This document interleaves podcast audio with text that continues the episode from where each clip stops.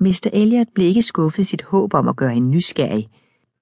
Sådan et mysterium kan ingen være ligegyldig overfor. Beskrevet for længe siden for en mand, hun først lige havde lært at kende nu, af ukendte personer. Den slags må man vide mere om.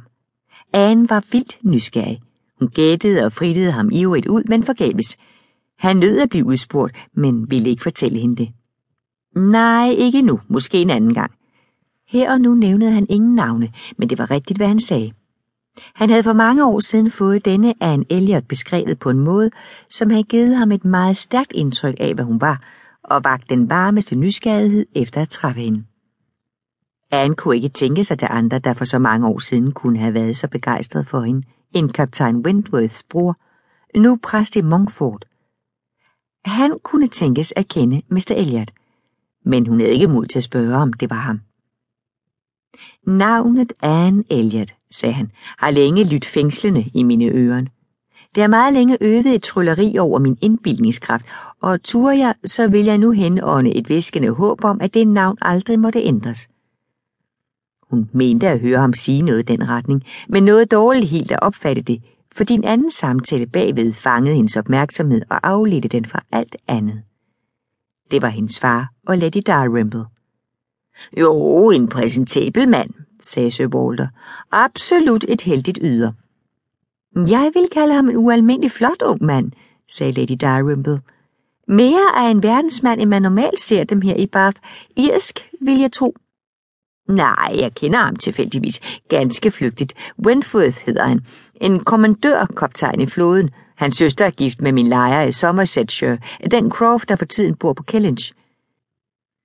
Inden Sir Walter havde forklaret sig til ende, havde Annes øjne fundet den rigtige retning og så kaptajn Wentworth i en klynge herre lidt fra dem. Da deres øjne mødtes, syntes han at undgå hendes. Det så virkelig sådan ud. Hun måtte have set derhen lige et øjeblik for sent, og så længe hun kunne tillade sig at se den vej, så han ikke på hende. Men nu skulle musikken til at begynde igen, og hun blev nødt til at foregive at rette sin opmærksomhed mod orkestret, lige ud. Da hun kunne stjæle sig til at kigge igen, var han væk. Han kunne ikke være kommet nærmere i den klynge, hun var omgivet af, men hun ville nu godt have vekslet blik med ham.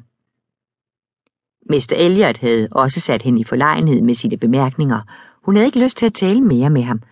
Hun ville ønske, at han ikke sad så tæt op af hende. Nu kom den lange pause. Nu håbede hun på en skiften plads til det bedre. Efter at ingen rigtig havde haft noget at sige til andre en lille tid, blev man enige om at gå ud og prøve at få fat i en kop te. Anne var en af de få, der foretrækker at blive. Lady Russell blev også, men hun havde dog den tilfredsstillelse at blive fri for Mr. Elliot. Og hvad så end Lady Russell måtte føle eller tænke, agtede hun ikke af hensyn til det at unddrage sig en samtale med kaptajn Wentworth, hvis han gav hende chancen. Lady Russells miner røbede klart, at hun havde set ham. Men han kom ikke derhen. Anne syntes samtidig, at hun så et glimt af ham, men altid på afstand. Den ivrige mødesete pause gik uden at føre til noget. De andre kom tilbage, salen fyldtes igen, man fandt sine bænke og tog plads igen, og endnu en times nydelse, eller pinsel, begyndte. En time til at henrykkes eller gabe, alt efter om man nu holdt af musik eller lod som om man gjorde det.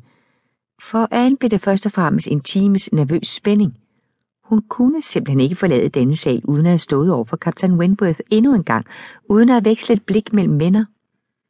Da de nu satte sig igen, blev der en del bytten pladser, og her var hun heldig. Oberst Wallis ville gå frit om i salen resten af aftenen, og nægtede at genindtage sin plads, så Elizabeth og Miss Carteret bad Mr. Elliot sætte sig imellem dem på en måde, der ikke lod sig afslå. Også andre tilhører skiftede plads, og med lidt behendighed lykkedes det Anne at komme til at sidde nærmere midtergangen, så det blev lettere at komme i kontakt med forbipasserende. Her kunne hun ikke lade være med at sammenligne sig selv med Miss LaRose, uforlignende Miss LaRose, men hun gjorde det nu alligevel, og uden at få spor mere ud af det end hun. Og så havde hun endda det held, at de, der sad yderligere, åbenbart havde råd til at gå hjem og give afkald på resten af koncerten, for inden den sluttede, sad hun yderst på bænken. Der sad hun så, med ledig plads ved siden af sig, da kaptajn Wentworth igen kom inden for synsvide. Hun så ham ganske nær.